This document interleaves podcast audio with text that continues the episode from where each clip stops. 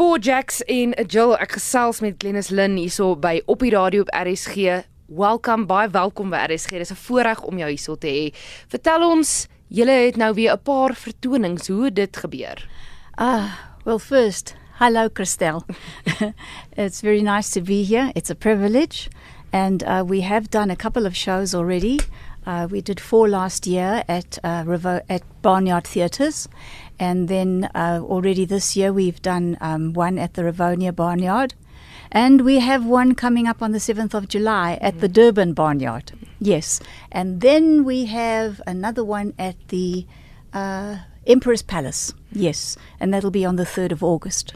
Ja. So waar dit gebeur of hoe het julle besluit om na al hierdie jare nou weer bymekaar te kom en op te tree as Four Jacks and? I, let me let me say this that uh, we I did have one break.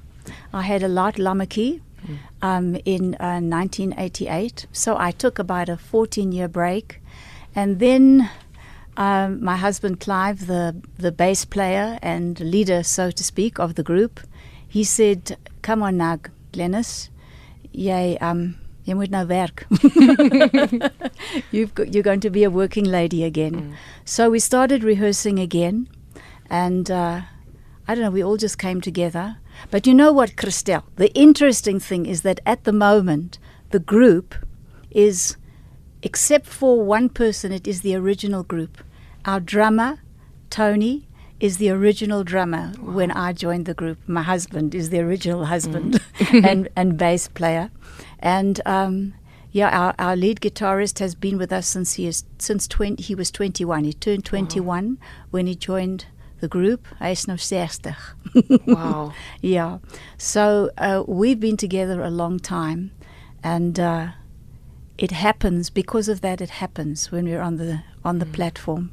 Exactly why we got together? Uh, well, we didn't we didn't part company, but uh, when we came together for the shows, there was that synergy, and we really felt uh, truly led by the Lord to do it. And so, uh, even despite our ages, and despite the fact that all over the world groups are coming together and so appreciated that we're very much top of the hit parade in the 60s and the 70s as we were, the, the public all over the world seem to be welcoming groups like that back. But this is not a comeback. This is a this is a keep going. Ja, absoluut. Ja. Nou, net, jy het net twee goed genoem waarna ek wil raak, maar eerstens die die feit dat dit die oorspronklike um lede is van die groep is ongelooflik want die groep het oor die jare van 1964 tot waar jy besluit het om nou 'n breek te neem na jou jou laat lammetjie soos jy sê, het daar baie baie lede in die groep ingekom en baie lede het gegaan. Jy het 'n hele paar mense gehad wat bygekom het en gegaan het. So dis baie spesiaal dat die vier oorspronklike mense nou in 2019 weer bymekaar is. Ja, dit is spesiaal. En uh baie van die lede, uh 3 of 4 van hulle het gesterf. Uh so dit was baie treurig. En um others just went overseas seeking their and they're doing very very well. Um, Josh Sklair was the is is the son of Sam Sklair, who was in very well known in South Africa, and he's doing exceptionally well overseas, touring with top rate artists, jazz artists. And there's another Paul. He he also is overseas. Um, so they always joke with Clive and say, "What what a joy and what a what a life learning time it was to be particularly under his leadership. Because when you became part of Four Jacks and a Jill you did not just enter as a musician. You entered as a packer a tea maker a, you learned how to change tires you learned how to drive all sorts of cars you learned how to change spark plugs. You learned how to do a lot of electrical things that a lot of them would join the group and say how do you do that? And he'd say well just do it ja Jy het uh, ek wil vinnig teruggaan. Jy het uh, drie kinders. Jou laaste een het jy in 1988 gehad, maar Ja. voor dit het jy nog steeds 'n verskriklike streng en strawwe toerskedule gehad met beide jou kinders en toe nou met jou derde een, die laat lammetjie, het jy nou toe besluit om 14 jaar af of nou nee, jy het nie besluit dis 14 jaar om dit te gaan vat ja dit nie. het net gebeur Dit het net gebeur, maar daai tyd met die met jou twee kinders, met jou eerste twee kinders, met jou toerskedule, hoe het jy dit bestuur? Hoe het jy dit gedoen? Uh, dit was eintlik uh die ouers van Clive. Um hulle het die kinders opgas. Whenever we went away, they would step into our house. If we went for for a long time, they would accompany us.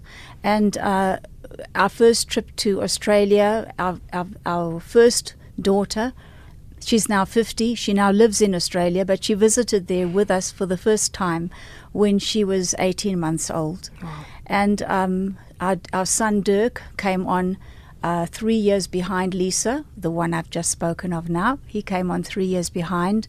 And uh, I, we still remember clearly, and so do they, falling asleep backstage inside the, the packing for the drum cases when we were on stage. And uh, it wasn't the easiest. I can't gloss over it and say, oh, it was great, you know, it worked out fine. No, there were a lot of heartaches. There were times we had to leave them when they were really sick. We left our son once in an oxygen tent at three years old because a nut got in his lung, oh. and we were on our way to South America.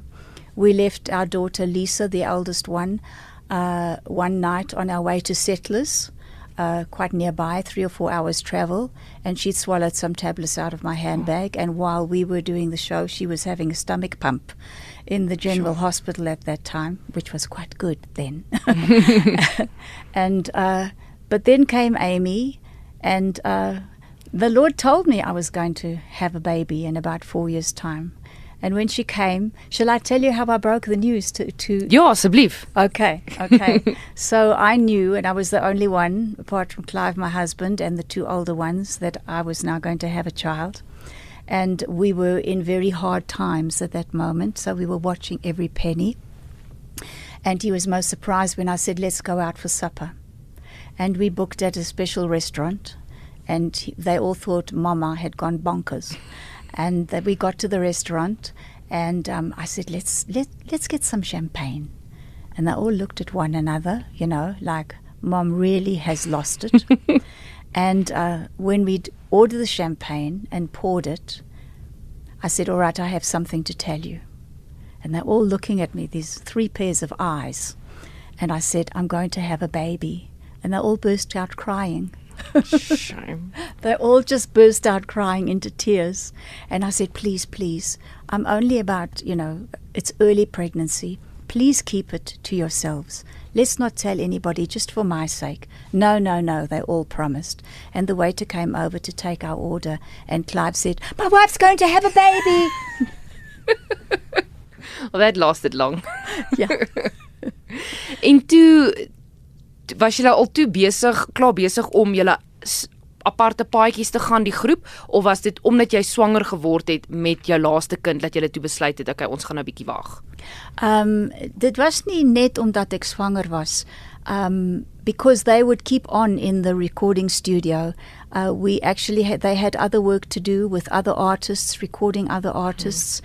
and then we also started uh, recording children's CDs, gospel CDs, where um, a company that we were connected to would write the stories to actually, actually help children be educated as to how to treat people in wheelchairs, blind, deaf people, uh, also Lifeline, and all of these were fed out, and they were very entertaining actually. Uh, as well as uh, educational, they're very mm-hmm. entertaining. So that sort of followed on when she was about uh, 13, 14, 15. Uh, and uh, at that time, or prior to that, I thought one day that I should actually tell her. This sounds funny. I'm thinking of an airport joke. Who who I was, mm. and so I started showing her the photograph albums of Four Jacks and a Jill, and she's looked at this person there on the stage with the Four Jackson. She said, "Mummy, who's that?" And I said, um, "That's me." And she said, "I don't like that, Mummy." wow. I don't like that mommy in the album. Yeah. But as time went by, we started ministering in churches mm. as well as doing shows, and she got used to it. And um, she's all three of our children, all three of our grown-up adult children, are very, very encouraging and supportive of mm. us. We are very blessed. And just to think of the name Four Jacks and a Jill and and the song that actually put us took us around the world, which was Master, Master Jack. Jack, yeah. It's a strange, strange world we live in, Master Jack. I don't know if you know of David Marks, who wrote the song. Yes, yes. Yes. And um, he's been having quite a, a trial of his life. His wife has been very, very ill. And uh, we actually just today want to send condolences to David Marks because his wife sadly passed away two, two days ago. Oh, shame. And so we just want to say uh, if anybody is listening that is connected to Dave, how we appreciate him, how privileged we are and were to have sung his songs, to have sung your songs, Dave, and how much our hearts are with you in this very sad, sad time and with all the years that you have walked with Fran so, so uh, close to her. Jy praat nou van van hom uh die liedjies wat hy vir jou geskryf vir julle geskryf het. Uh wanneer het hy ophou skryf vir julle? He was still writing up to about uh, six or seven years ago, and not always specifically for us. Uh, but I think the last song that he wrote was one of the most beautiful, not so much um, uh, writing about the country, which was his forte to write about the country, uh, but I think he must have written it to his wife actually, because it, it was called I'd Love to Write a Love Song. And uh, when I think of the words now, I'm sure he wrote it to Fran. It's beautiful. So he's he's still writing. I don't know if he's writing prolifically now, but he was up until six or seven years ago. Ek wil ons het nou gepraat oor oor die verlede en en waar jy begin het en ook nou die die die onlangse nie besluit nie, maar dat jy nou weer optree. Dis nie 'n comeback nie soos jy gesê het. Die musiek wat jy nou optree, is dit die ou liedjies of het jy nuwe musiek wat jy ook in die in julle optredes inbring? In the past, when we toured a lot, it used to be a mixture of our own songs, which grew as time went by, but also a lot of the African songs, which we absolutely loved, and obviously English and Afrikaans. Verskoon my Afrikaans, dit is nie te goed nie. but um, I loved singing in Afrikaans. It has a completely different idiom to sing in. It's it's lovely. The songs that we wrote for the children's recordings were never done on stage. They were only for the recordings for children, and they were sold via telephone. Okay, uh, but now uh, we have m- most of the show is our own songs, the African songs, and we have very much a drive for the unity of the country. Very, very heart deep drive for the country of languages, peoples, nations to come together. So when we do the shows, we're doing our own English and our own Afrikaans songs, the African songs, a couple of entertaining ones that are cute and funny because we still have a family audience. But at the end, we're actually doing a, a gospel song mixed up with the entire anthem, which actually is just something that happened along the way, and it really is powerful.